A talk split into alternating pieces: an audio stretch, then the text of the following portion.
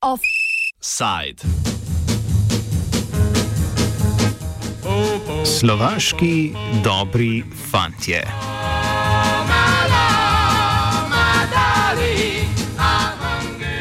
Tako kot v Republiki Sloveniji, je tudi v Slovenski republiki, to je na Slovaškem, izbruh epidemije spremljalo oblikovanje nove vlade. Konec februarja so potekale parlamentarne volitve, na katerih je slavila stranka Običajni ljudje in neodvisne osebnosti, krajše Olano, ki jo vodi povsem običajen milijonar in sedaj tudi premijer Igor Matovič. Zmagovalna desno-sredinska stranka je svojo kampanjo vodila z izrazito kritiko prej vladajočih struktur ali, če hočete, elit.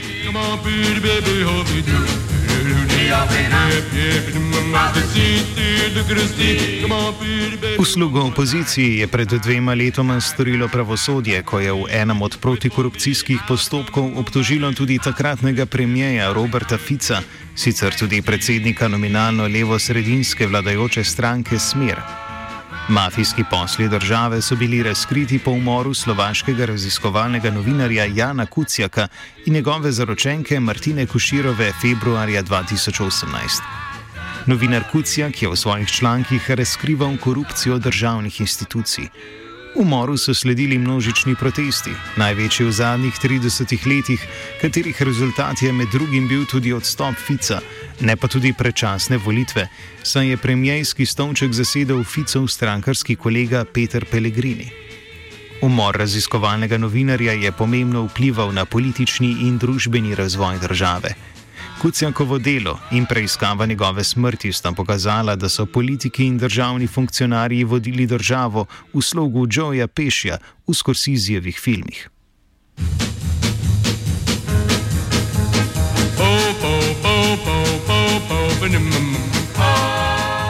Dve leti po smrti Kucijaka in njegove zaročenke je posebno slovaško sodišče v kraju Pezinok za njun umor na 23 let zapora obsodilo nekdanjega vojaka Miroslava Marčka.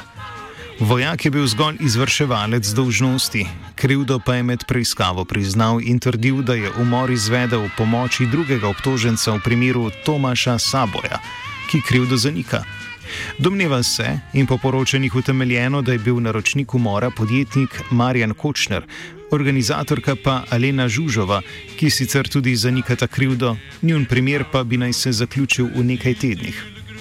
Lani so na 15 let zapora že obsodili posrednika pri umoru Zoltana Andruska, ki je s tožilstvom sklenil dogovor in policijo pripeljal do domnevnega naročnika umora.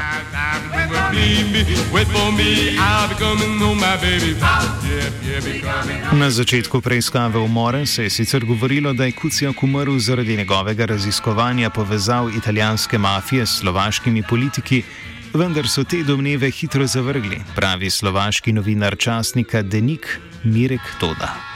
One of the lead in the beginning of the investigation of his murder was his articles about Italian mafia in an agricultural sector in uh, eastern part of Slovakia, and and there was a, and and he, for example, wrote uh, or his last article was about that, which was not published. It was only published after his death was about that connection. So in the beginning, a uh, few of us or in, in, media there was a speculation that maybe this uh, murder is connected to Italian mafia, but but most of us or generally we we didn't see it very reliable because it wouldn't make sense for Italian mafia to kill journalists here because uh, you know they will they are not so stupid or something they will they can accept some consequences or something so at the end, uh, even the investigation showed that yes, this lead was not uh, the real one.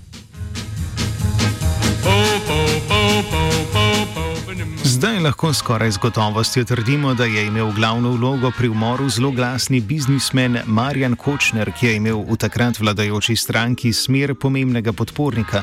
Njegov zaščitnik je bil namreč sam premijer Fico. O Kočnerju in njegovih vplivih Grigorij Mesežnikov, predsednik Bratislavskega inštituta za javne zadeve.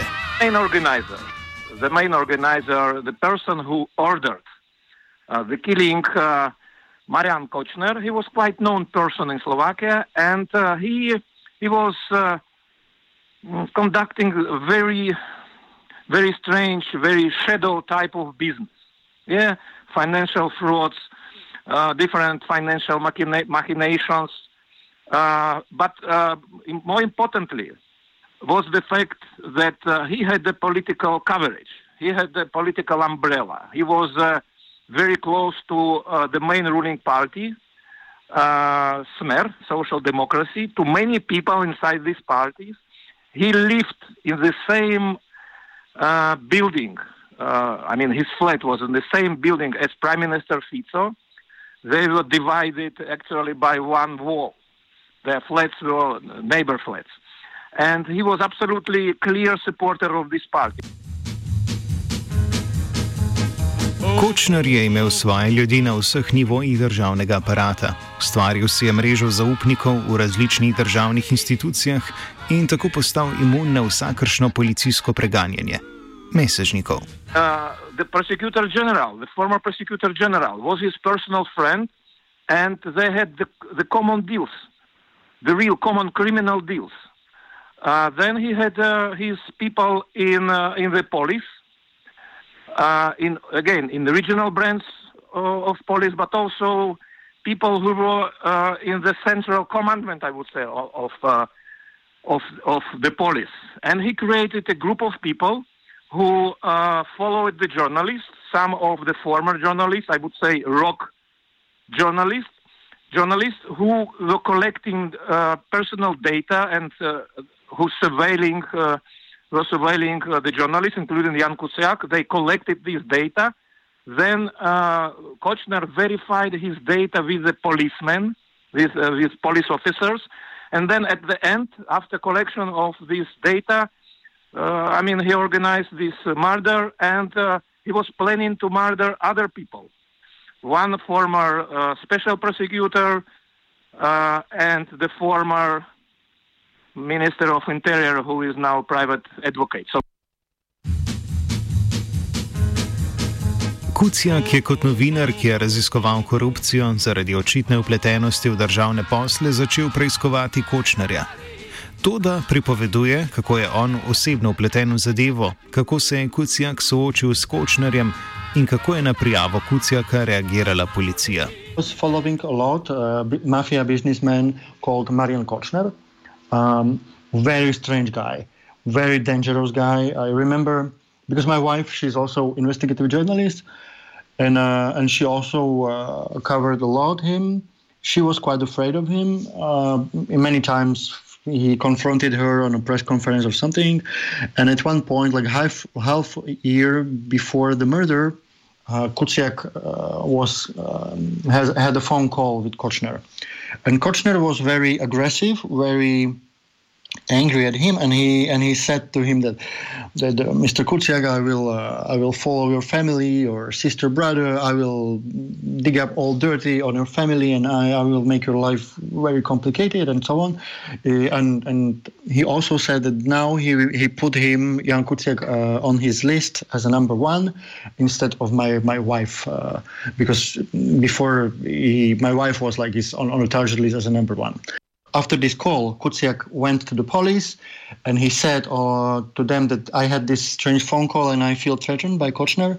But police did nothing. Like after 40 days, they, they just said, okay, there is no reason to, to worry. But already, you know, we journalists, we knew how dangerous this guy is and how, in how many corruption cases he was involved. Of course, he was never properly investigated because of the of, of, of sort of protection he used to have in the highest political circles.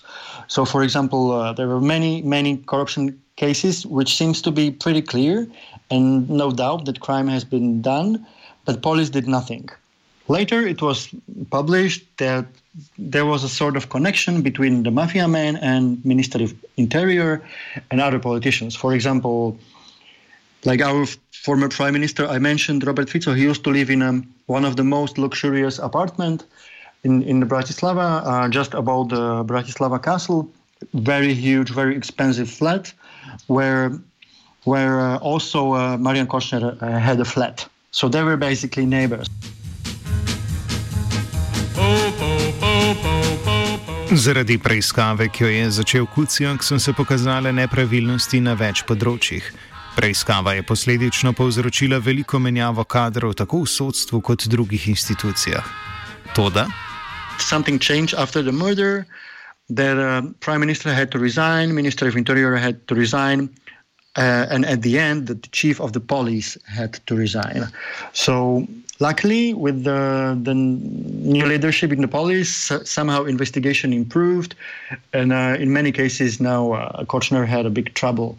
Like in one case, he was already sentenced. Um, now he's there is a trial uh, about this murder, and there are other, also other cases.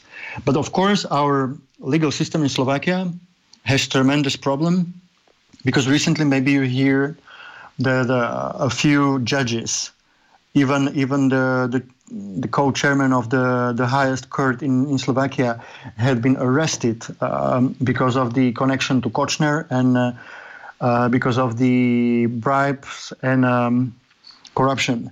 So the Kočner was he was a strange guy who who got influence on prime minister, on minister of interior, but not only them, but also to chief of the police, also to some judges. Now, the former state sec- secretary of the Ministry of Justice, uh, and she is also a judge, she is now in jail because she was um, like in a big communication with Kočner, and she uh, used to help him when when there was some case uh, against him uh, in the court. She helped him to survive the court. Dogajanje na Slovaškem je odprlo pomembno debato o položaju novinarjev. To, da pravi, da so politiki pred umorom Kucijaka večkrat ustvarili sovražno atmosfero za novinarje. Premijer Fico jih je večkrat tudi psoval. The murder, we didn't think it could be possible. Uh, we didn't uh, feel uh, fear in that sense that something physical can happen to you. Uh, of course, politicians uh, sometimes behaved very ugly and very aggressively. we were used to uh, this atmosphere. For example, that time the former Prime Minister Robert Fico he was absolutely aggressive. He very often didn't answer our, our question, which is not such a big problem, but he also um, attacked many times as journalist. So he made, I would say, he's he's also um, there is part of the responsibility of, of this murder not direct, but very indirect and uh, if, if we are talking about atmosphere toward journalists. Because he, for example, in when there was a Slovakia was a chairmanship in the European Union. For example, we uh, discovered uh, one corruption case in uh, Ministry of Foreign Affairs, and because of our covering, he started to call journalists uh, dirty anti-Slovak prostitutes, and that's just one of the many examples when when he behaved very ugly.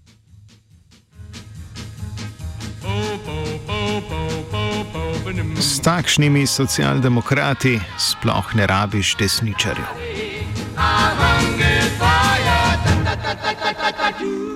Offside je pripravila Aida.